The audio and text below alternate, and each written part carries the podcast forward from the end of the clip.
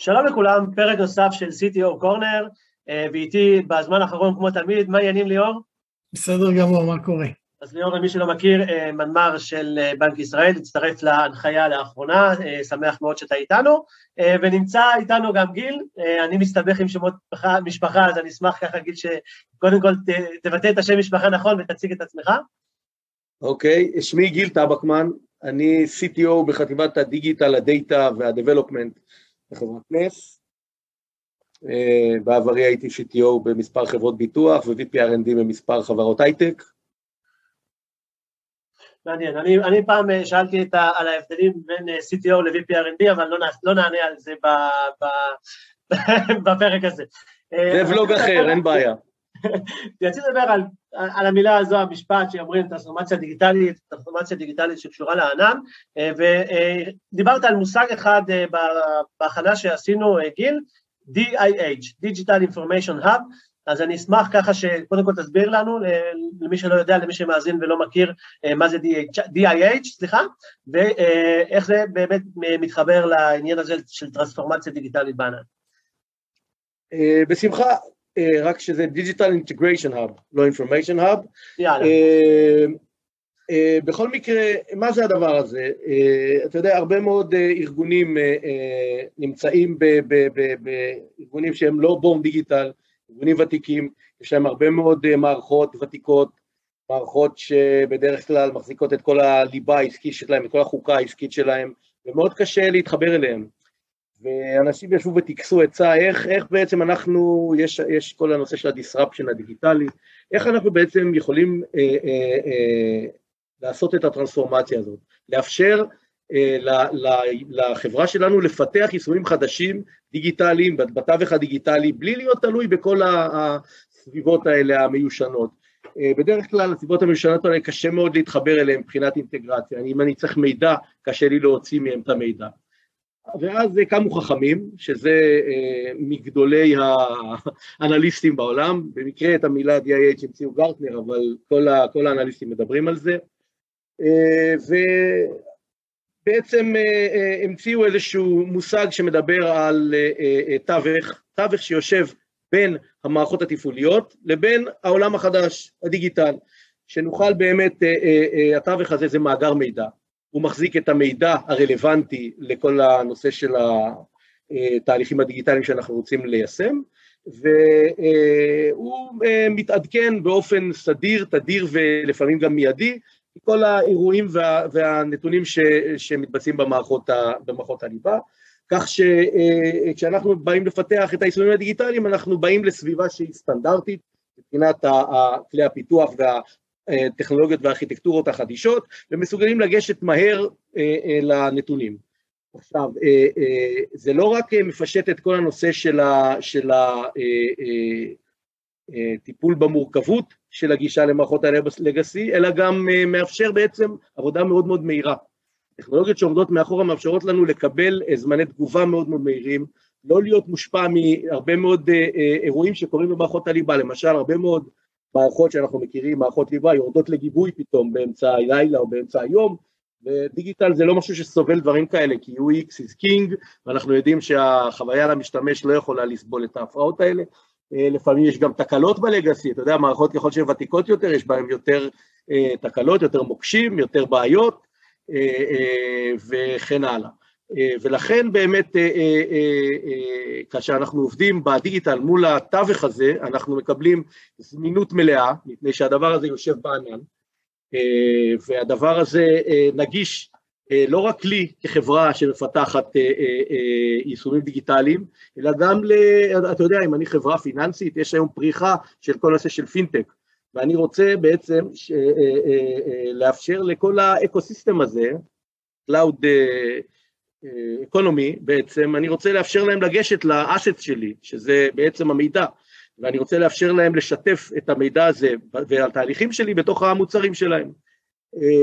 וזה הדבר שבאמת מאפשר לי, ה-DIH הזה, הוא הדבר שמאפשר לעשות את זה בצורה הכי יעילה והכי פשוטה שיש מצד הדיגיטל.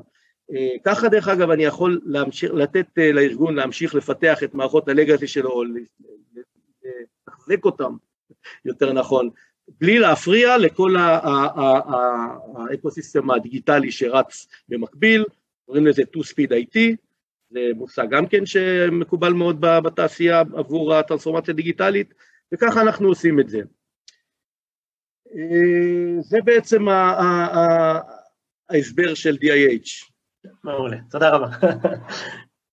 הזכרת פינטקים, הזכרת ענן, ואז גם הזכרת לגאסי, אה, ודווקא רוצה שתחדד את הנקודה הזאת ותרחיב איך אתה רואה ארגונים ותיקים כמו בנקים, חברות ביטוח, פארמה, שיכולים להמשיך ולנהל את העסקים שלהם אה, בשוטף מצד אחד, אה, ובמקביל לייצר דיגיטל בצורה מסודרת בענן.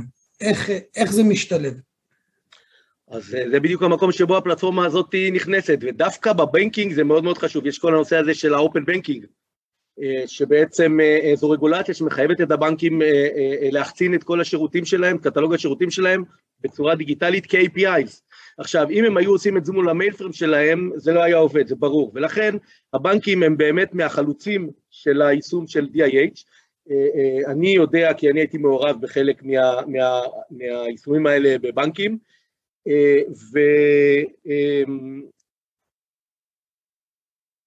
אין, אין בנק בעצם שיכול להרשות את עצמו לא להיכנס לזה.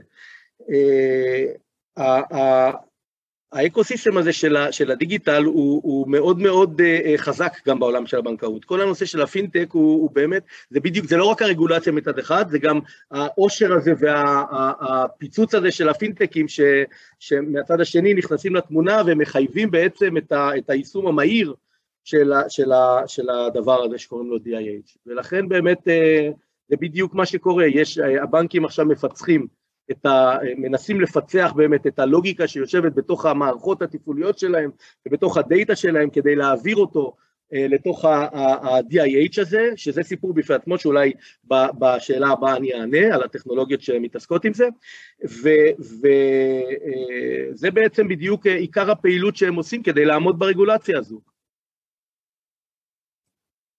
אופן בנקינג זה בנק ישראל, אז אנחנו, זה נוגע לנו בלב. אני שמח, אמרת שאתה הלב גם. כן, זה אריאל אמר.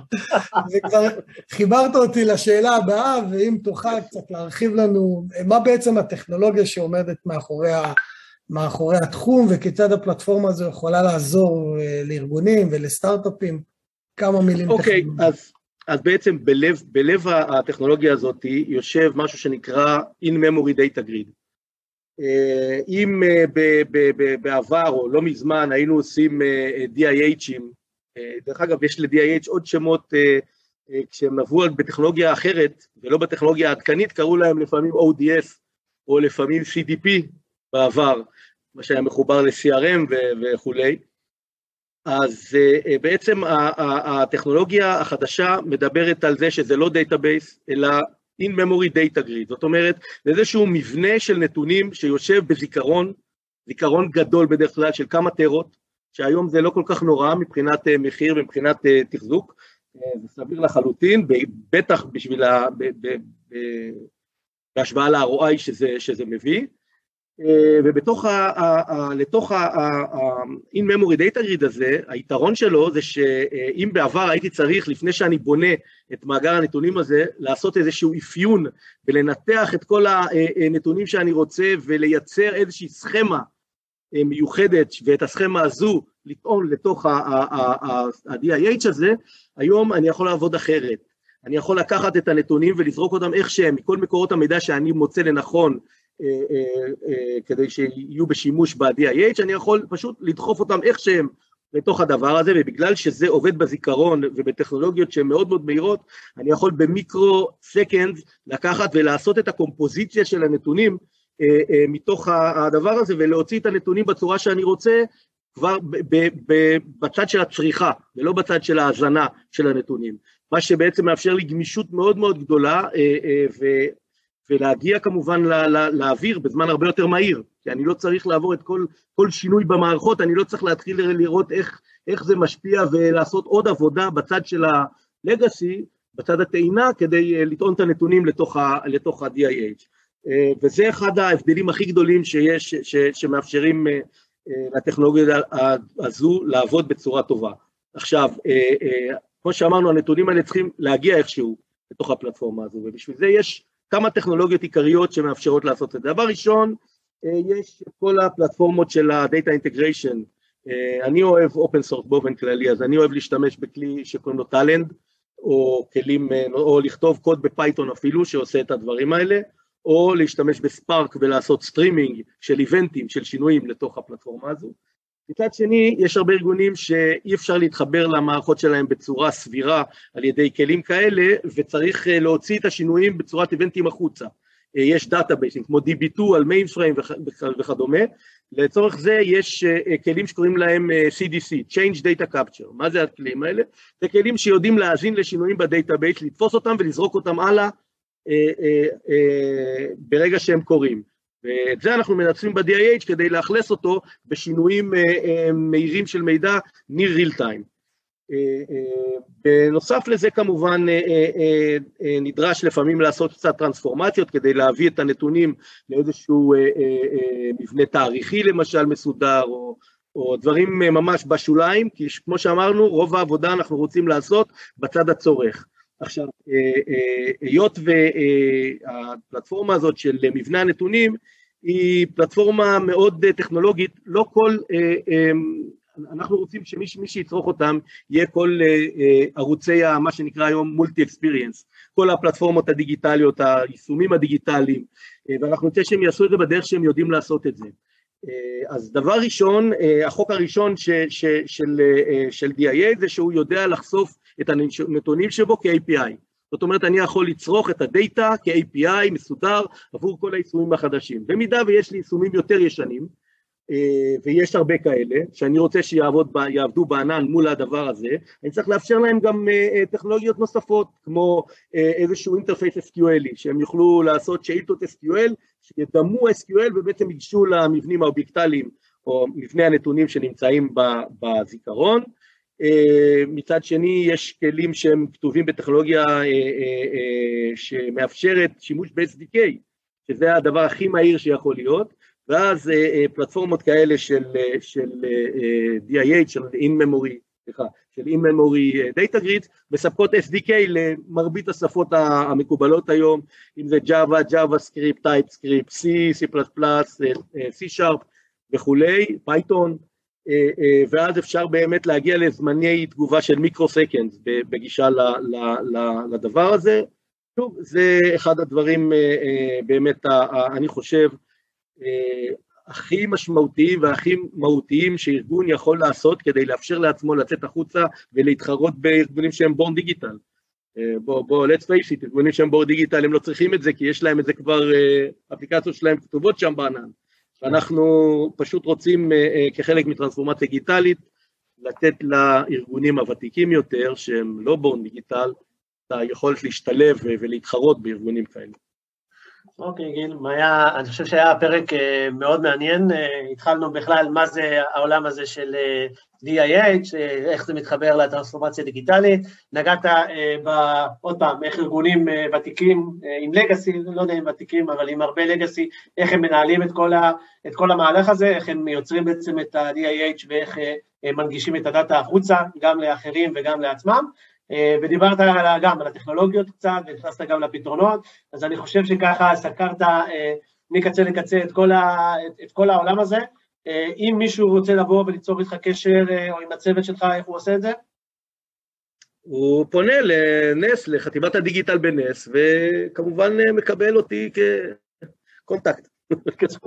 אגב, צחקנו בהקדמה, שחלק מאיתנו שואל את השאלה ועונה, זה, זה מה שעשית בשאלה האחרונה, אז אני מאוד, מאוד מודה לך, ככה חסכת לי.